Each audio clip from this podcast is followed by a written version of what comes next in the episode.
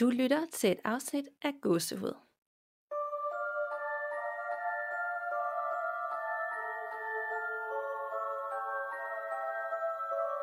Hej Danika.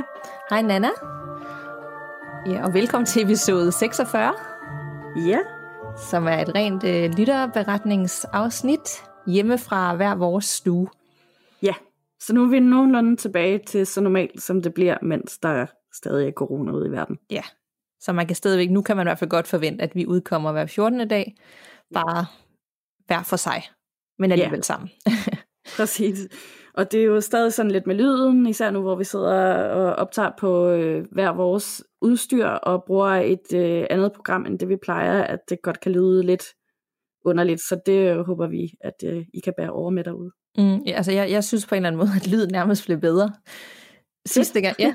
Jeg ved ikke, øh, det kan godt være, øh, det er bare mig, men det er som om, at det var ikke så, så dårligt, som jeg troede, det ville ende med. Jeg har en, Nej, det var slet idé. ikke så dårligt heller, som jeg havde, øh, hvad hedder det, frygtet. Nej, det er som om lyden bliver endnu renere, og det er jo klart nok, når vi sidder i det samme rum, og en mikrofon skal optage os begge to, så, øh, Ja. så er der også mere baggrundsstøj, hvor her, der, øh, jeg ved ikke, jeg sidder jo med hovedet 10 cm fra mikrofonen, ikke?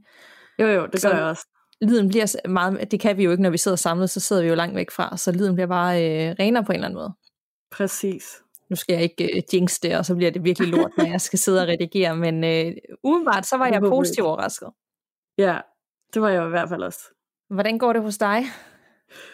Åh, jeg synes, øh, jeg er godt nok ved at blive skør af alt det her. Øhm, Ja. det har godt nok også varet længe nu, og jeg synes godt nok, det er tungt. Hvad med dig? Ja, det er det også. Øh, jamen, jeg, altså, jeg synes, de første seks uger, men det var også, fordi vi havde børn hjemme, var sådan meget tunge. Øh, og nu er de jo sådan lidt tilbage. Ikke lige så lang tid, men de er tilbage, så der er noget hverdagsagtigt over det. Øh, Ja. Når de er steder og arbejder mere koncentreret. Men selvfølgelig, så er der jo ikke noget, der er, som det plejer, og man, er jo, man laver jo ikke noget Nej. stadigvæk. Så det er jo lidt, lidt trist på den måde, men øh, jeg tænker, at det lysner nu her i maj og bliver lidt bedre, og måske kan med nogle øh, nye retningslinjer måske få lov Ja. at sidde på en café igen og, og spise og drikke glas vin eller et eller andet. Det kan jo være.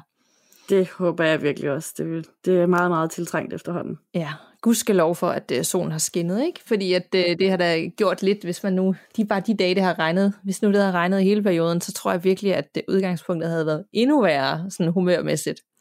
Præcis, det tror jeg virkelig også. Og vi to er jo virkelig heldige. Jeg har en kæmpe altan, og du har en lille have, øh, mm. Mm. eller en lille terrasse i hvert fald. Så øh, ja, Ja, så man jeg kan er komme virkelig og- under dem, der bare sidder indenfor og ikke har noget at sådan være udenfor på.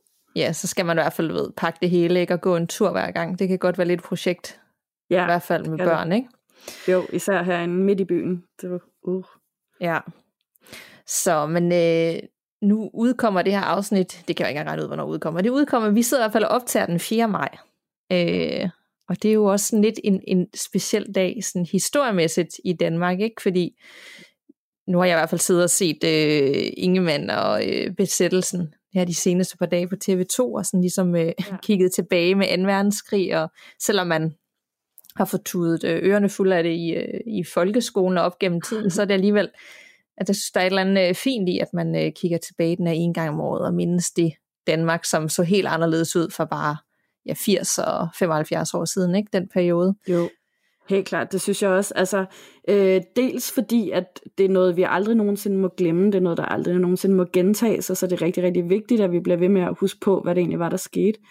Og så synes jeg egentlig også, nemlig, jeg har nemlig også set, jeg, jeg har kun set det første, men øh, af Peter Ingemanns øh, serie der, men jeg var virkelig overrasket over, at der var så mange ting, man ikke havde hørt om. Blandt andet, at øh, man i starten øh, så ned på, øh, på øh, modstandsbevægelsen. Det var jeg ret overrasket over, fordi i min verden, der er de altid bare fremstået som sådan nogle helte, hvilket de jo også er, og man mm. heldigvis har anerkendt senere, men jeg anede slet ikke, at, at, at de var blevet illeset i starten. Nej, og heller ikke, hvor, hvor, øh, hvor nemt, at det var for tyskerne at gå ind, og at regeringen bare tog imod den, og folk lagde sig fladt ned, og at 12.000 ja. danskere meldte sig faktisk øh, til tropperne for at kæmpe med tyskerne. Øh, ja.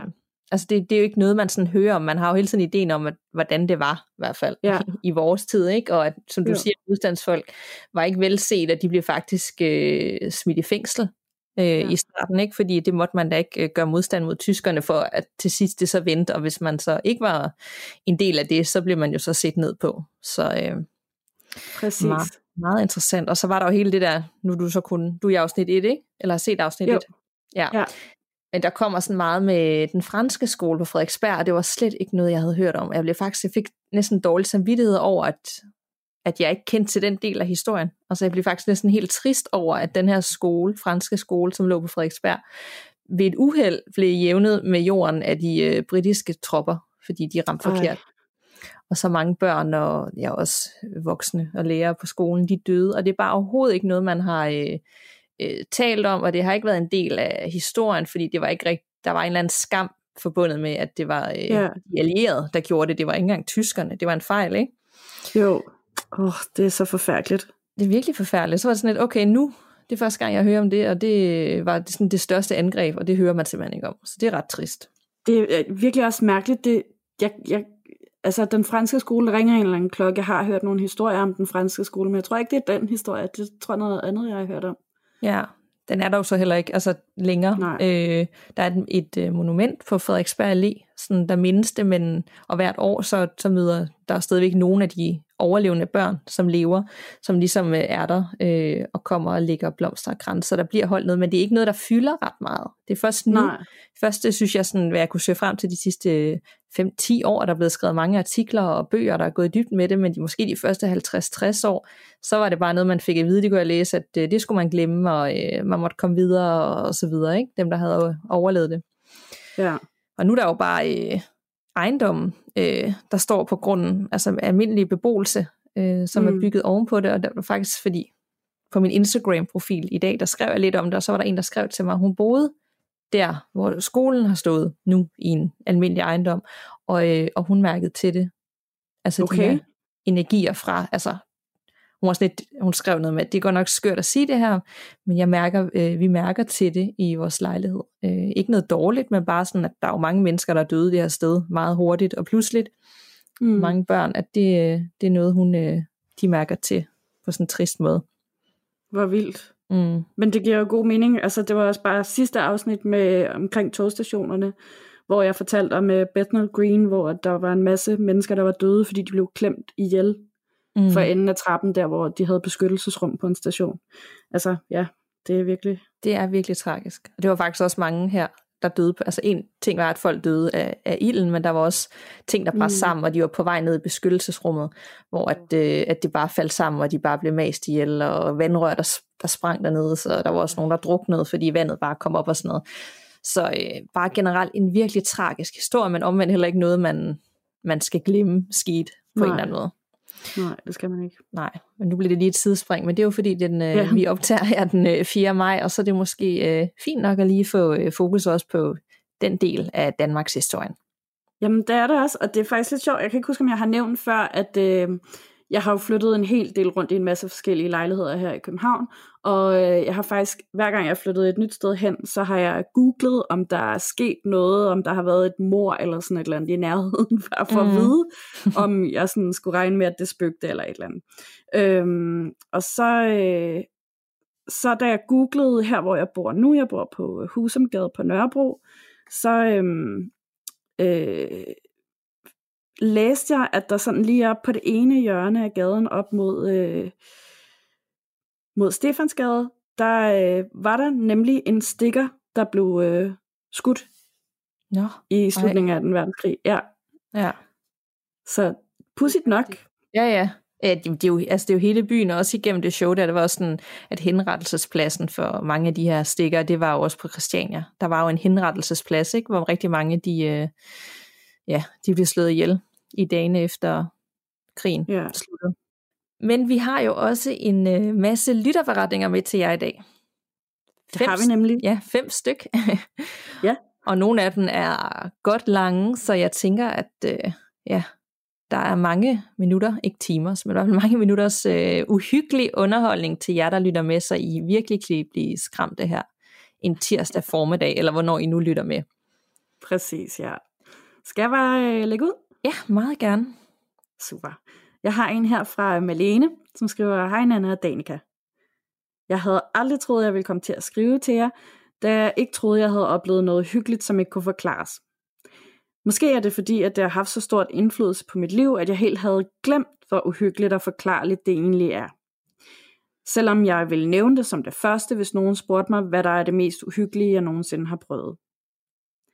Da jeg var 3-4 år gammel, fik jeg hul i hovedet, lige under brynet, og mine forældre kørte mig straks på skadestuen, fordi det blødte så meget. Min mor hun fik et helt ildbefindende ved at se alt det her blod, øh, og derfor måtte hun vente uden for den stue, jeg kom ind på. Min far han sad på en stol inde i stuen med mig på sit højre lov. Han holdt en blodig laksefarvet klud op for mit ene øje, mens hans hånd skyggede for det andet. Jeg kan huske indretningen af rummet, hvordan det hele var indrettet, men jeg, det har jeg så en forklaring på, for jeg havde allerede dengang en ud af kroppen oplevelse. Jeg husker det som om, at jeg var bange, forvirret og skulle lige til at stikke i et hyl.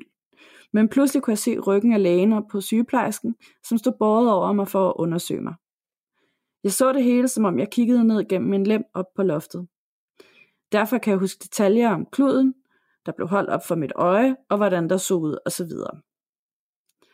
Oplevelsen var virkelig traumatiserende for mig og efterlod mig med en angst for alt, der havde med læger og sygehus at gøre. Og det gik helt op i mine voksne år. Jeg har flere gange som barn givet en form for udtryk for den ud over kroppen oplevelse, jeg havde, men mine forældre har altid bare slået det lidt hen, som om det var nogle børnefantasier. Det gjorde jeg selvfølgelig også efterhånden, selv da jeg ikke rigtig tror på overnaturlige ting, så det gik faktisk lidt i glemmebogen. Da jeg var 19 år, vågnede jeg en nat og kunne, mærke, kunne ikke mærke mit ene ben overhovedet. Jeg kunne ikke bevæge det, jeg kunne ikke mærke det, når jeg tog hånden ned og slog på det.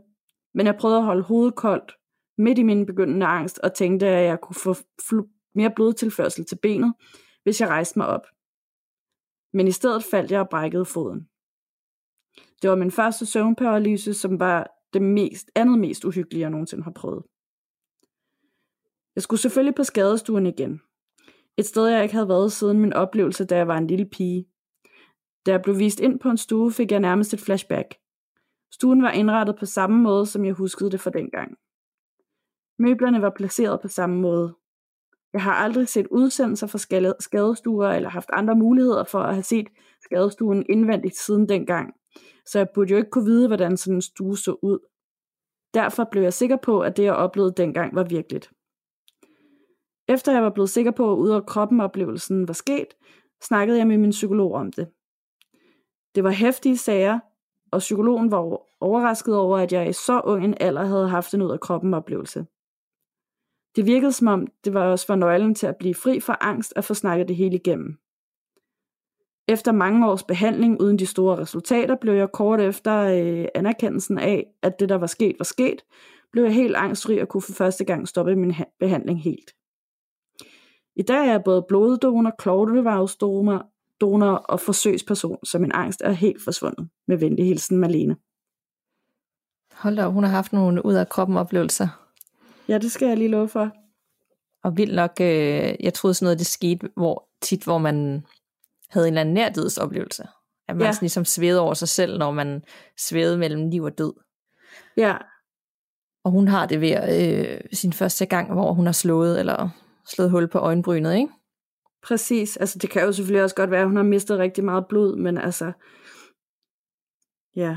Ja, altså, jeg tænker, det... at det er sådan... Jeg skulle ikke kunne sige, hvor meget mere. Jeg tænker ikke, at det, det har været den typiske tæt på døden oplevelse, men alligevel vildt. Hun har måske bare haft et nat, altså naturtalent for den der, hvis der er en situation, der er ubehagelig, og så kunne gå på en eller anden måde flygte fra sin egen krop og se det hele udefra. Ja, præcis. Altså, jeg, jeg jeg kender godt lidt det der med, med ud af kroppen oplevelser. Jeg har også haft det nogle gange, når jeg øh, har været ved at falde i søvn, og sådan lidt i forbindelse med, med søvnparalyse også. Og så, så er der også bare sådan nogle ting fra min barndom, hvor jeg tænker, at jeg kan se det helt klart og tydeligt for mig. Men, men det giver ikke nogen mening, fordi jeg har været to-tre år gammel, så det var ikke noget, jeg burde kunne huske, men jeg ved ikke. Altså, ja. Det har bare på en eller anden måde imprintet sig i mig alligevel. Så klart, ja. ja. Og hvis man så ser det igen, så kommer det helt tydeligt frem. Ja, netop. Og vildt nok, at hun brækkede foden i en søvnparalyse. Ja, shit. Altså, så bliver den da lige 10.000 gange værre. Ja, det må man sige. Øhm, men altså, enormt vild øh, historie og vilde oplevelser, hun har haft. Ja, og rigtig godt, at øh, hun ligesom har fået anerkendt, at det har hjulpet på al den angst, hun har haft. Ja, og en god reminder til, at, øh, at man kan bekæmpe det, men også alle de gode ting, man kan gøre med organdonor, og var det knoglemavsdonor, og, og hvad ja. bloddonor, altså, som har ja. betydning for andre mennesker. Præcis. Øhm, der er mange, der ikke har fået taget stilling endnu, altså, ja, der er... til sådan nogle ting. Øh, og det er bare vigtigt, om man ved det ene eller andet, så bare til stilling. Så hvis der skulle ske et eller andet, så er det ikke øh, familien, der skal tage stilling for en. Nej, nemlig, ja. Så øh, tak for den beretning. Ja, tak for det. Øh, og jeg har også en rigtig lang beretning her for Emma, så jeg håber, at de sidder godt til rette og er klar til lidt af hvert. Hej med jer. Jeg har en sjette sans. Det er jeg ikke i tvivl om, og jeg har også snakket med flere klaverianter, som fortæller, at de kan mærke, at jeg har en sjette sans. Min beretning starter egentlig fra, at jeg har været ret lille. Jeg har altid boet i det samme hus, fra jeg er født i 1999 til 2017. Det her hus, som mine forældre altså stadig bor i, er et hus, som vist er bygget i 1912, så er det ret gammelt. De købte det af min mormor og morfar, så min mor har også boet i det i nogle år af hendes barndom. Det starter egentlig med, at mine forældre har værelse nede, hvor vi havde stue, og mine tre søskende og jeg havde værelse på første salen. Da jeg begynder at sove på mit eget værelse, græd jeg hver nat, og selvom der var lys, så mine forældre blev enige om, at de heller må flytte deres seng op på mit værelse, for at min søster ikke skal tage sig af mig om natten, når jeg græd. De sov inde på mit værelse i okay mange år. Jeg havde seng, så jeg kunne ligge og kigge ud i vores gang. Jeg vågnede næsten hver nat ved, at jeg følte, at der var en, som stod og kiggede på mig, men jeg var vel omkring de fem år, så jeg stod lidt hen med, at det nok bare var fordi døren ud til gangen var åben, og der var helt mørkt. Jeg fortalte det aldrig til mine forældre eller nogen andre. Det er faktisk først her i 2020, og min søster og svoger fortæller, at de altså har set en mand stå for fodenden af min forældres seng. Og det var fordi, de skulle passe min forældres hus, så de sov hjemme hos dem i deres seng. Og lige præcis der, hvor jeg også har set manden i mange år næsten hver nat. Min søskende, min moster, hun er på alder med min storebror, som er 28 år, og nogle af deres venner legede ånden i glasset hjemme hos mine forældre på et af værelserne, som både min mor og min ene søster og jeg har haft. Det her ånd i glasset fandt dog sted, inden jeg fik værelset. Nå, men de sidder selvfølgelig rundt om det her glas, og de spørger om en masse spørgsmål. De spørger så ind til, hvad ånden hedder, og de får navnet Frederik Hansen. Der var ikke rigtig nogen af dem, som kendte det her navn. Det hedder så egentlig, at man skal sørge for at komme af med det her glas, som man har spillet ånden i glasset med, men det gjorde de så ikke. Og nogle dage efter skal min mor tømme opvaskemaskinen, hvor det her glas er blevet vasket, og pudsigt nok er det lige præcis det glas, hun taber. Det kan også være et tilfælde, men det er bare ret pudsigt, det lige var det glas. Her i sommers i 2019 finder min moster så ud af, at der faktisk er en mand, som hed Frederik Hansen, som boede ved siden af mine forældre mange år tilbage, inden de spillede ånden i glasset. Så det er ret vildt, at de lige havde fået ham igennem spillet. Vi er alle sammen, og vi er fire søskende og mine forældre, mærket og fornemmet, at hvis vi eksempelvis skulle skynde os op ad trappen, når vi skulle i seng og omvendt, havde vi en følelse af, at vi skulle løbe op og ned ad trappen. Ret klam, men det var også lidt af det eneste, som skete i rigtig mange år. Så flyttede mine to søstre og storebror hjemmefra, så nu var vi altså kun min mor, far og mig tilbage i huset. En aften sidder vi og ser fjernsyn inde i stuen. Pludselig hører vi alle tre, at der er en, som banker på en dørkamp. Min mor siger, at min far skal skynde sig ud og kigge, hvem der var kommet, og jeg følger efter ham og kigger. Han går op på første salen og kigger, om der er nogen, som er gået op, men der er altså ingen mennesker ud over os tre, og det var så tydeligt i bank. Min far var skeptisk, men han var ikke i tvivl om, at han hørte de her bank. Jeg har ret mange beretninger, så I får lige dem, jeg kan komme i tanke om, og så kan I bare sortere i den, hvis det er. Jeg flyttede i februar 2017 sammen med min kæreste ind i en lille lejlighed, hvor jeg vidste, der havde boet en gammel dag, dame, før huset blev renoveret. Der sker ikke noget som sådan, men jeg kunne fornemme hendes tilstedeværelse. Jeg kunne nogle gange lugte en gammel dame, og jeg følte mig flere gange overvåget, når jeg var i bad, og når jeg lavede mad, og når jeg gjorde rent. Det var som om hun lige skulle se, at jeg nu også gjorde det rigtigt. Det eneste, jeg så sådan kan komme på at ske, er en gang, hvor vi ledte efter min kærestes bilnøgler. Vi ledte og vi ledte begge to, og vi kunne ikke finde dem. Jeg sagde så til ham, at han måtte tage reservenøglen til bilen om morgenen, og vi går derefter i seng. Da vi vågner næste morgen, går jeg ned på toilettet og kigger tilfældigt over ved komfuret, og hvad ligger der? Nøglerne ligger lige ved siden af komfuret, og vi ellers begge to havde kigget op til flere gange aftenen før. Det var lidt underligt. Vi flyttede så ind i et hus i april 2019. Et lidt ældre hus, som er renoveret i 2001. Jeg følte ikke rigtigt, at jeg kunne falde til i det nye, og jeg vil egentlig bare gerne tilbage til det gamle. Efter at have boet der nogle måneder, begyndte der så at ske ting og sager. Jeg sad og så en serie på Viaplay, og jeg havde sådan noget tøj til tørre udenfor, og dukken var så smart begyndt at falde af, så jeg stoppede min serie. Lægger controlleren på bordet og går ud og henter tøjet. Da jeg så kommer hen til døren, kan jeg sørme høre nogle lyd inden for huset. Jeg stivnede helt og lyttede efter, og rigtig nok, min serie var startet af sig selv, og det er altså ikke noget, den bare lige sådan kan. Jeg turde ikke gå ind og ringede til min mor og far og fortælle, hvad der var sket. Jeg ringede derefter til min søster, som også er meget inde i det spirituelle og har en sjette sans. Det tror jeg øvrigt hele min mors side af familien har. Vi snakker sammen, indtil min kæreste kommer hjem fra fødselsdag, og jeg tør derefter gå ind igen. En anden historie. Jeg vågner en morgen ved min telefon ringede. Jeg tager den, når jeg går ud af vores soveværelse. Jeg får kigget på min kærestes ben og kan se, der er noget, som ser meget underligt ud, og han ligger også helt åndssvagt i sengen. Nå, men jeg bliver færdig med at snakke og kommer ind igen, hvor min kæreste derefter vågnede op. Jeg beder ham fjerne dynen, og jeg kigger på hans ben. Og rigtig nok, der var to store fede håndaftryk på hans ben. Øh, øh. Den måde hænderne var placeret på, var fysisk umuligt for min kæreste, at han selv kunne lave den, og hænderne var også for store til, at det var hans, og de var derfor også for store til, at det var mine hænder. Jeg ringer straks til min mor og far og sender billederne. Min mor siger til mig, at jeg nok burde kontakte en klaverjant, når nu det er blevet fysisk. Det var virkelig det klammeste at vågne op til. Det var som om, at ham manden, der var her, han ville have hævet ham ud af sengen, men blev afbrudt af min telefon, der ringede. Den samme ånd, som havde lavet de her håndaftryk, var en mand, som var meget jaloux på min kæreste, for han syntes, at jeg var sød, og han var åbenbart forelsket i mig. Nå. Vi lå også en morgen i sengen, og døren var forklemt. Jeg gav min kæreste et kys, og lige bagefter blev døren smækket i. Der var ingen vind, som i overhovedet ingenting, og vi havde ingen vinduer åbne, så jeg er sikker på, at det var ånden, som var så jaloux, at han smækkede døren i.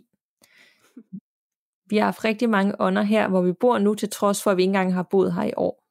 Boet her et år. Jeg var lidt skeptisk omkring det med at skulle have en klaveriant ud, da der var mange, som kun gør det for at få penge for folk. Men den her klaveriant var skide dygtig.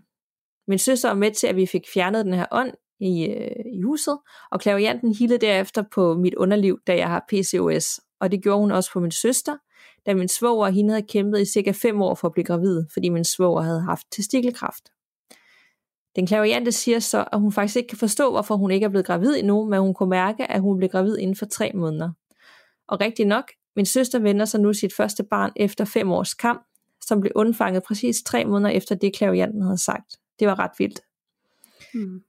Det blev så en ret lang historie, så I er velkommen til at sortere lidt i det med venlig hilsen Emma. Og jeg har ikke sorteret i det. Jeg tog det hele med. Ja, ja, ja, absolut. Vi sorterer aldrig i det. Vi tager Nej. altid det hele med. Ja. Vi vil hellere have for Hold da meget end for lidt. Ja, præcis. Shit, hvor vildt, altså.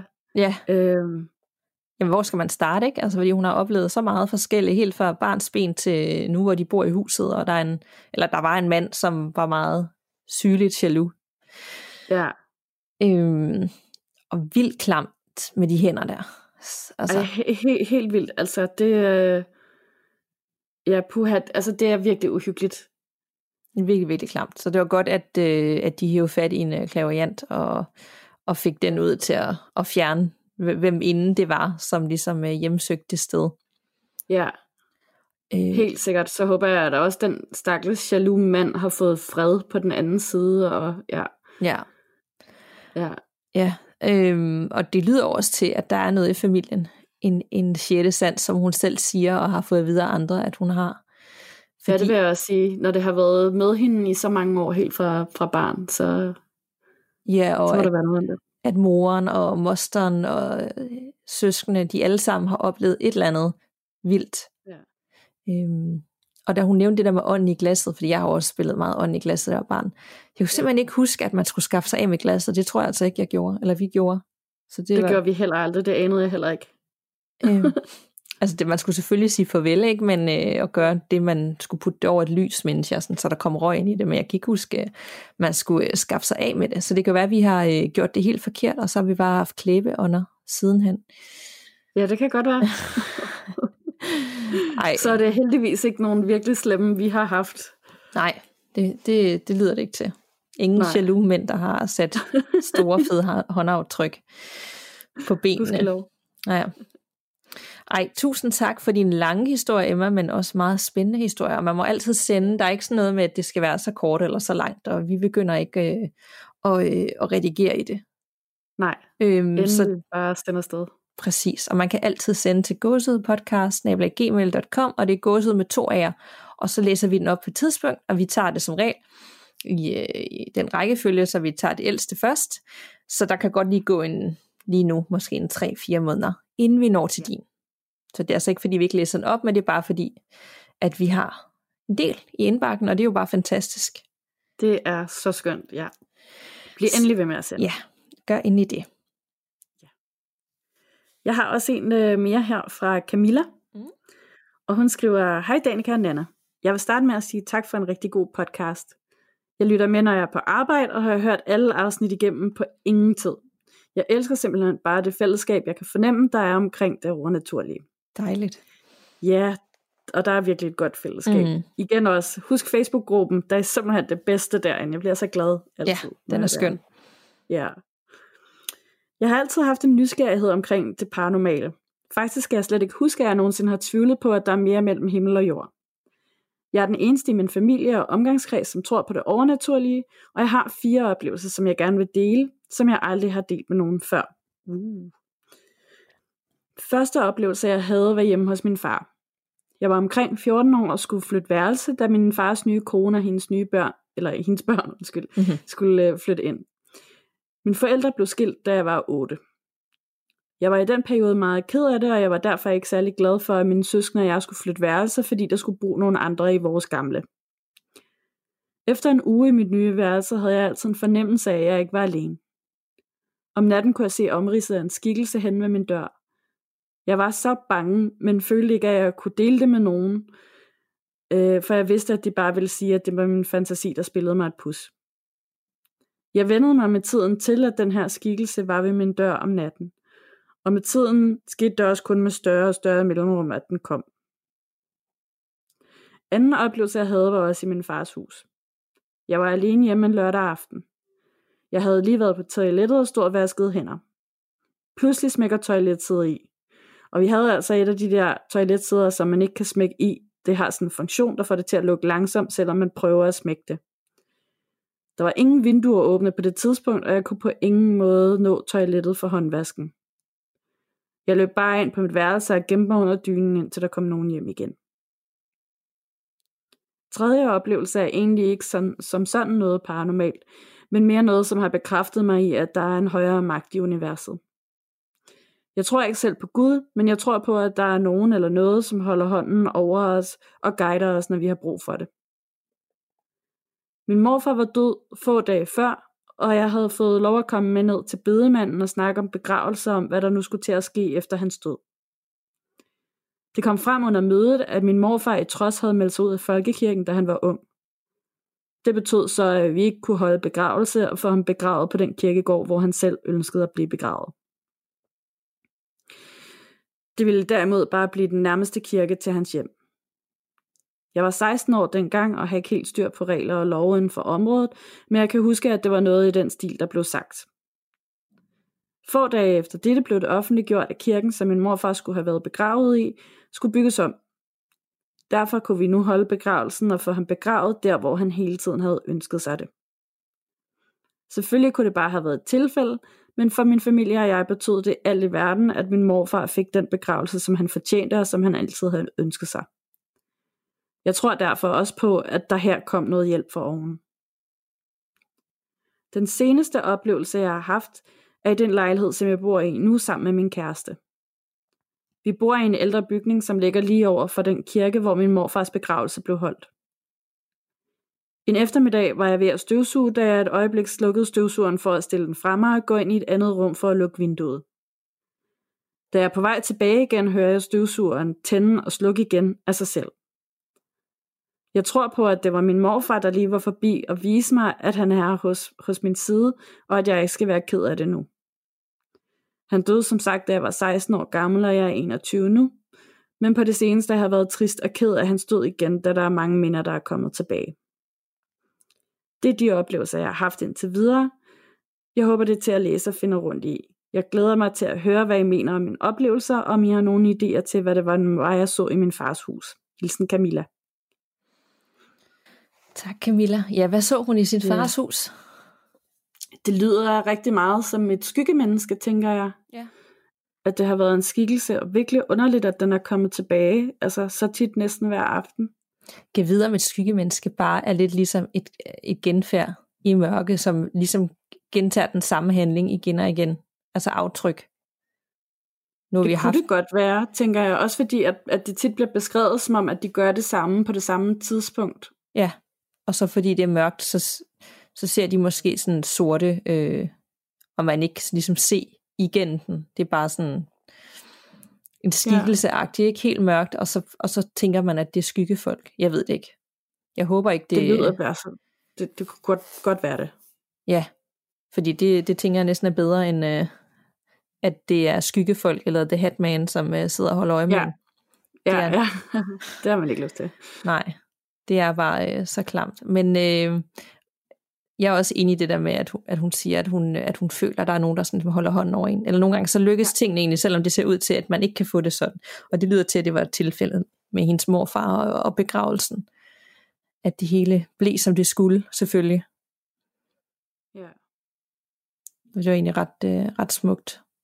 Det er det virkelig. Så, altså, så heldigt. Men det, ja, jeg har virkelig også haft mange af de der oplevelser, hvor jeg tænker, at jeg simpelthen har været for heldig, at det kan være tilfælde, at det, det må simpelthen være nogen, der hjælper mig på vej. Ja. Og nogle gange så er det også der, hvor man sådan er, det ser mest sort ud, og man tænker, at det, det kommer slet ikke til at blive sådan, som jeg havde ja. håbet på, ikke? Og man nærmest sådan siger, please, er der nogen, der vil hjælpe mig, ikke? Og så alligevel, så ender det på en eller anden mærkelig måde alligevel, på den ja. måde, man ikke havde, nærmest ikke havde troet på til sidst. Præcis. Så det er jo, ja. øh, det er jo meget livsbekræftende. Det er det. Dejligt at holde fast i, og især lige nu, hvor at det godt kan se lidt sort ud en gang imellem mod ja. verden, så godt at holde fast i. Det skal nok blive godt igen. Ja, det skal Men øh, tak for den lytterforretning. Og øh, jeg tænker, øh, at vi hopper direkte videre til lytterforretning nummer 4 her, som jeg har fået fra Marie. Kære gåsehud, jeg for nylig begyndt at lytte til jeres podcast, nok fordi jeg de sidste par år har haft en del uforklarlige oplevelser. Jeg vil fortælle jer om et par af dem. Jeg er vokset op i en efterladt barak fra 2. verdenskrig. Det er meget skønt, når det er lige det, vi snakker om tidligere. ja, det er ret pudsigt. Huset er selvfølgelig ombygget, men småt og meget lyt. Hele min barndom har man kunne høre en marchere i gangen mellem værelserne hver eneste nat. Jeg sov med tv'et tændt hele min barndom for at overdøve lyden. Jeg flyttede for syv år siden ind på en gammel ejendom sammen med min mand og min datter for et tidligere ægteskab. Ejendommen havde stået tom og blevet brugt som sommerhus i de sidste 20 år og var derfor ret faldfærdig og forladt. Vi har altid haft en god fornemmelse inde i selve huset, men i udbygningen har jeg altid følt mig overvåget og utilpas. Det startede faktisk allerede, da min mand overtog gården, og vi begyndte at være kærester. Et af vores første dates skulle vi tømme den gamle staldbygning for ting. Den tidligere beboer havde samlet på alt muligt. Gamle bøtter for smør, syltetøjsglas, æsker og dåser og en hel kasse med skruelåg, blandt andet. Bygningen var helt fyldt op. Da vi havde gået der et par timer og båret ting ud, spurgte jeg ham, om det var hans hund, der løb rundt. Jeg havde flere gange helt tydeligt set en sort labrador løbe rundt, og jeg havde også ædet den, den løb forbi mig ned ad gangen på et tidspunkt. Jeg var alene i stallen. Manden så forundret ud, for der var ingen hund. Han havde ingen hund. Virkelig akavet første date. De efterfølgende gange, jeg har besøgt ham, så jeg hunden mange gange, men jeg begyndte at føle mig jaget, når jeg bevægede mig ind igennem stallen. Det var tydeligt, at jeg var uønsket, men det var ikke hunden. Jeg flyttede ind efter et par måneder med min datter på halvandet år og vores lille hund. Hunden ville helst ikke ud, og slet ikke ud i stallen, og holdt sig tæt til mig hele tiden. Jeg lagde ikke noget i det, andet end at den lige var flyttet ind og søgte tryghed. Selvom huset havde stået tomt i mange år, så duftede der ofte af mad, ikke lasagne, men gammeldags mad som kål, flæsk og typer mad, som vi aldrig spiser. Efter et par år valgte vi at hive det gamle hus ned, fordi det var for dårligt. Vi blev simpelthen syge af at bo der af skimmelsvamp og renoverede staldbygningen, så vi kunne bo der midlertidigt, mens vi byggede det nye hus. Da vi byggede køkken og indrettede den ene del af staldbygningen til beboelse, så stoppede den ubehagelige fornemmelse i den del af bygningen. Men følelsen tiltog til gengæld i den del af bygningen, vi ikke boede i. Vores hund kunne ikke tvinges derned med magt, og min datter ville ikke ned til manden. Hun var på det tidspunkt 3-4 år og snakkede ofte om manden og damen. Det nye hus blev færdigt, og vi flyttede ind med den gamle slagbænk fra det gamle køkken i huset. Da jeg fødte vores fælles datter, begyndte den gamle bænk at sige lyd om natten. Aldrig om dagen. Slagbænken var en gammel køkkenbænk, som tydeligvis var blevet brugt til at sove i. Lyden om natten lød præcis som en, der satte sig op og rejste sig fra bænken, og altid når min yngste datter græd om natten. Det føltes aldrig ubehageligt. Bænken flyttede videre til en nabofamilie, som også havde fået nattens lyde med sig, når deres børn græd om natten. Min mand er meget skeptisk og troede overhovedet ikke på mig, indtil han selv oplevede det en nat, han gik op med vores datter, som var ked af det. Og da naboen spurgte om bænken også havde sagt lyde hos os, så blev han meget stille. Energien i staldbygningen var der stadigvæk. Den føles nærmest fysisk. Hunden vil stadig ikke ned i stallen, og børnene tør ikke gå derud alene. Der er en dør imellem de to dele af staldbygningen med et vindue i, og min store pige siger ofte, at der står en mand og kigger ind ad den dør. Hun er ni år nu. Vi har senere undersøgt gårdens historie og også spurgt de ældre mennesker i de omkringliggende ejendomme, hvad de kan fortælle om vores hjem. Og vi har fundet ud af, at der har boet en mand og en kone, Mads og Dora, hvor manden drak og var lidt brysk og var også lidt hård ved dyrene, som man jo var i den tid. Han sov i et værelse i forbindelse med stallen.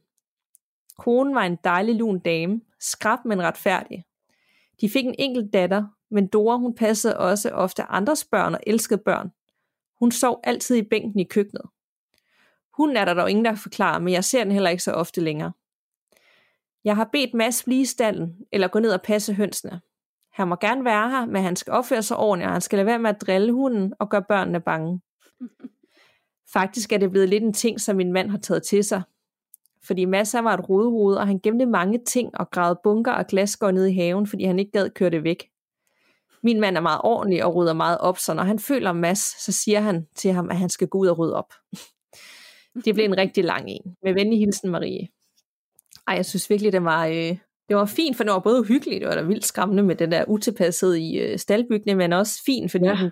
de giver jo faktisk lov til at blive der. Du skal bare lige opføre dig ordentligt og huske at rydde op efter dig selv. Ja, det, jeg kan virkelig godt lide, at han bare lige bliver sat på plads der. Du skal fandme opføre dig ordentligt, fordi mm. du er også der bestemmer her.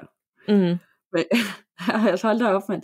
Jeg nåede også at blive helt nervøs, øhm, og tænkte, hold da op, hvor er det sejt, at, sådan, at hun bare lige flytter dig ind, selvom hun har følt det der kæmpe ubehag, og set den der spøgelseshund, der er rendt rundt der. Og så nåede jeg at blive sindssygt nervøs, da hun sagde, at hun var flyttet ind med sit barn og sin lille hund, så tænkte jeg bare, åh oh, nej. Ja, nu går det helt galt. Noget med det. Ja. Men som ja. altid, så hjælper det jo også bare at sige det højt, som, som de gjorde her, ikke? Øh, jo. Det er fint, du er her, du skal bare opføre dig ordentligt, du skal ikke skræmme nogen, og du skal ikke gøre hunden bange. Nej.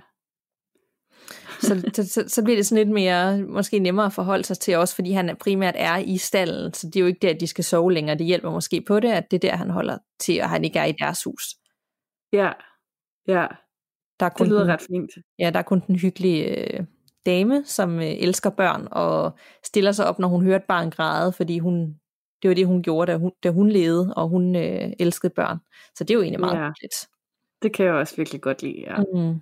Hunden er der ingen, der kan forklare, men øh, det ved jeg heller ikke, om det skræmmer at se en spøgelseshund. Jeg kan slet ikke forestille mig, hvordan det må være, om at kunne nærmest æde den og mærke den ved benene. Nej, overhovedet ikke. Jeg vil elske at have en spøgelseshund lige Det må være det fedeste i verden, at have nogle spøgelsesdyrmanden, ja. der kunne holde en med selskab. Præcis. Så og også meget vildt det der med, at hun, øh, var øh, vokset op i en øh, efterladt barak fra 2. verdenskrig, som ja. man så ombygget. Altså det er alligevel vildt nok at bo i de omgivelser, hvor der er sket sådan nogle ting, og kunne høre nogen marchere hver eneste aften, mens man er barn, og bare leve med det. Det er helt vildt. Ja. Det er ikke sådan en enkelt gang, man har oplevet det. er bare sådan en fast del, at man er nødt til at have tv'et tændt, for ellers skal man ikke holde ud og høre på den lyd. Ej, altså det, med den angst, jeg havde i forvejen, da jeg var lille barn, altså jeg havde, det, jeg, ved, jeg havde ikke god sted der, det havde Nej. jeg ikke. Men det bliver nok bare en del af, af livet, ikke? Hvis det er det jo. sted, man bor hele sin barndom, så må man jo bare øh, tage det med. Ja, det er virkelig vildt, hvad mennesket kan vende sig til. Ja, det er det. Så tak for den meget, meget spændende beretning. Ja, det må man sige. Skriv endelig igen. Ja, hvis du har mere. Yes. Skal vi øh, hoppe direkte videre til den sidste? Ja. Lad os gøre det. Det er Cecilie, som skriver, Hej, Super fed podcast. Jeg vil også lige dele et par, stor, par historier med jer, som jeg har været udenfor. Nummer 1. Jeg havde været hjemme ved min veninde i øh, Lunderskov, og vi havde hygget med film og snak til efter midnat. Hun skulle så køre mig hjem til mine forældre i Koldingområdet klokken 1 om natten. Vi kører på en landevej, hvor der er træer på begge sider og ingen huse i nærheden. Der er helt mørkt. Pludselig ser vi længere fremme, at der står en mand i vejkanten. I det vi kommer tættere på, kan vi se, at han står med en spade. Lige da vi er ude for ham, hæver han spade over hovedet og følger os sådan med overkroppen. Vi bliver mega bange og forstår det ikke helt. Lige pludselig slukker lyset på bilen, og så går den helt ud. Vi begynder begge to at skrige og går helt i panik. Min veninde prøver flere gange at tænde bilen igen, men først fjerde gang lykkes det. Vi kører derfra så hurtigt, som vi overhovedet kan, og så sker der ikke mere efter det. Men vi har været mega nervøse, når vi kører den vej lige siden. Det forstår jeg så meget godt. det forstår jeg virkelig også godt, ja. Uh. Oplevelse nummer to. Jeg var sammen med den samme veninde igen. Vi var i Kolding Storcenter og skulle i biografen til en af de sene forestillinger. Vi havde lige en halv time, indtil filmen startede, hvor vi bare gik rundt i centret, som jo var ret tomt, fordi butikkerne var lukkede. Vi satte os på en bænk ved en sportsbutik og snakkede. Pludselig stoppede vi begge to op, fordi det lød som om, at nogen kørte med sådan en tøjvogn inde i den lukkede butik. Men lyset var slukket, og gitteret var for. Lyden blev højere og højere, som om vognen kom tættere og tættere på. Pludselig lyder det som om, at vognen rammer gitteret, og det ryster foran os. Vi løber alt, hvad vi kan hen mod biografen, og stopper først, da vi når derhen. Vi var ret glade for, at det var Bridget Jones, vi skulle ind og se, og ikke en gyser. Oplevelse nummer 3. Da jeg var barn, havde jeg tit en underlig fornemmelse af at blive fuldt efter. Især når jeg gik på en bestemt trappe i huset. En nat skulle jeg ovenpå for at få noget vand og løb op ad trappen og følte virkelig den her gang, at nogen fulgte efter mig. Vores køkken ligger ud til en havestue med store vinduer og god udsigt ud til haven. Da jeg står og drikker mit vand, ser jeg pludselig en kvinde i en hvid kjole ude i haven. Hun står og kigger op mod mig, hvorefter hun vender sig om og går væk, og så forsvinder hun helt. Jeg løb ned under og kryb under, under, under dynen, og så sov jeg ikke mere den nat. Igen tak for en god podcast. Venlig hilsen, Cecilie. Wow, Cecilie. Ja. Den, Ja. der, den der beretning øh, med vejen, altså det lyder som, som en eller anden amerikansk fortælling på en eller anden måde. Jeg synes tit, de har noget med, hvor at de, at de kører på en eller anden øde vej, og så, øh, så kører de igennem et eller andet, eller de ser noget, i- der er sådan kendt, velkendt, at der er en bestemt vej, hvor man ser et spøgels ude i vejkanten, ikke? Jo, jo, jo, og det er bare virkelig også en klassisk gyserfilms ting. Altså Gothica, ja. og I mean, der er så mange, der ligesom har det der med spøgelser og mystiske ting på vejen. Plus at de også har alle de der skinwalkers og Præcis. ja, Det, væsener, der følger biler, ikke? Det er ikke så tit, vi hører om det her hjemme. Det er ikke så tit, vi får beretninger. Vi har haft en enkelt, kan jeg huske, hvor der var en eller anden, jeg synes, det var i Tyskland motorvej, hvor der var pludselig en mose, hvor de så en eller anden hoppe ned i en mose. Jeg ved ikke, om du kan huske Ja, det. Øh, det var lidt det samme, hvor de heller ikke kunne forklare det, men altså, det er virkelig, det er virkelig creepy, og at han står med en spade og løfter den, og sådan følger bilen. ja, Det i sig selv er uhyggeligt, men at bilen så ud, jeg ved, jeg vil ikke, øh, altså jeg kan slet ikke være i det. Hvorfor? nej, nej. jeg, jeg vil være, du, og du ikke kunne tænde bilen, og du, er han rigtig, fordi altså, hvad er det ikke? Man kunne nærmest, jeg ville næsten lige, når jeg så det inden, tænke, ser jeg morder? Han står Ja, der og graver et eller andet. Så øh, jeg vide, øh, hvis man kører den vej, om der er sket et eller andet der, som gør, at, øh, eller der er andre, der har oplevet det. Hvor var det, det var henne? Det var mellem Lunderskov og Kolding. Ja, at der er et eller andet der, øh, noget historisk. Det kan godt være, man skulle prøve at undersøge være. det. Jeg har, jeg har jo også den der bagefter. bog, som, øhm, som, øh, som vi fik anbefalet af, vi blev kontaktet af en Lone engang, Lone, som øhm, har siddet med Dansk Folkemindesamling, og har anbefalet den her bog omkring overtro og savnhistorier for øh, Danmark. Og øh, der kan jeg huske, at mens jeg sad og bladrede i den, der også var noget, der handlede om, om sådan gespenster og genfærd, man havde mødt på veje. Så det var, at jeg lige skulle kigge i den også og se, det kan være, der kommer lidt, lidt historier derfra, der er værd at fortælle. Så det har i Meget hvert fald, gerne. der har i hvert fald Ja. været sådan nogle ting i Danmark også. Ja, 100 procent. Ej, det er spændende. Ja. Det med storcenteret kan jeg ikke forklare, men det kan da godt være, at der har ligget et eller andet. Nu ved jeg ikke, hvor gammel Kolding Storcenter er. Jeg forestiller ikke, det er så gammelt. Men Nej. at der er sket et eller andet i butikken, øh, et dødsfald, eller der har ligget et eller andet på den plads eller grund før, som Ja, gør, at, det, at der måske er noget i det storcenter. Det er jo ikke lige der, man normalt vil tænke, at man vil opleve noget. nej, nemlig. Så øh, det, det er Man meget... kunne selvfølgelig også håbe på, at det bare var sådan en robotstøvsuger, der... Øh, Nå ja, der kørt kan jo godt være en naturlig forklaring, ikke? men øh, ja, det er meget interessant. Og så øh, og, og kvinden i haven, ikke? Altså det, det er også det er meget sådan gyserfilmsmateriale, vi har her. ja, det er det virkelig. Så en, en, en lidt uhyggelig øh, at slutte af på. Jeg elsker, at det er sådan Ja, det fire små sige. oplevelser, men det er bare sådan fire øh, vilde ting, Hardcore. man har oplevet. Ja, Ja, det er det virkelig. så, øh, så kom vi igennem. Ja. Fem uhyggelige lytterberetninger, og øh, som altid, så er det hver anden afsnit, der er ren lytterberetninger, og de andre, så tager vi et emne op, hvor vi også har lige et par lytterberetninger til sidst, så vi altid har nogle, nogle historier fra den virkelige verden, som vi kan dele med jer derude. Yes. Og som du sagde, Nana, så husk ind i derude og anmod om at blive medlem af den private Facebook-gruppe. Der er øh, daglige, uhyggelige tips og anbefalinger til bøger og film og små beretninger. Folk deler direkte i gruppen og uhyggelige øh, billeder og spøgelser, der er fanget på video og alt muligt mærkeligt og godt. Ja, det er fantastisk, altså. Og lige nu, der øh, de her dage, der vælter det ind med nye medlemmer, så øh, jeg har prøvet sådan at lokalisere, hvor det kommer fra. Det kommer lidt forskelligt, men øh, det er jo bare fedt, for jo flere medlemmer, jo flere øh, ting bliver der også delt af. Præcis, ja. Og så Dejligt. er vi jo også på, ja, det er dejligt. Så er vi jo også på Instagram øh, under Gåset podcast, hvor vi også øh, deler lidt forskelligt stories og billeder, og send jeres beretninger, som I allerede Mhm. er så gode til. Det må I ind i fortsætte med, også hvis der er en opfølging på noget, vi tidligere har læst op. Der kommer tit en mail bagefter, der er sket det her sidenhen, eller et eller andet. Så, så sørger vi selvfølgelig altid for at få det med. Øh, Ja, og det fuldt elsker op, vi også. hvis det kommer. Ja. Ja.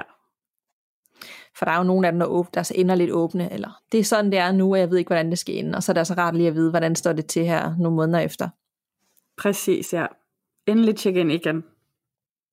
Og det kan være, at vi også lige skulle sige, hvis I har idéer til emner, vi skal tage op, øh, t- øh, områder, I har besøgt eller hørt om, som I synes kunne være spændende, at, at vi snakkede om, og gerne i Danmark, så tip os endelig, så vi kan få det med i kommende afsnit. Meget gerne. Så øh, det var det. Tak for tak. i dag. Ja, og tak for snakken. I Tak for i dag. Vi lyttes ved. Og pas på derude. Man ved jo aldrig, hvad der venter bag den næste dør.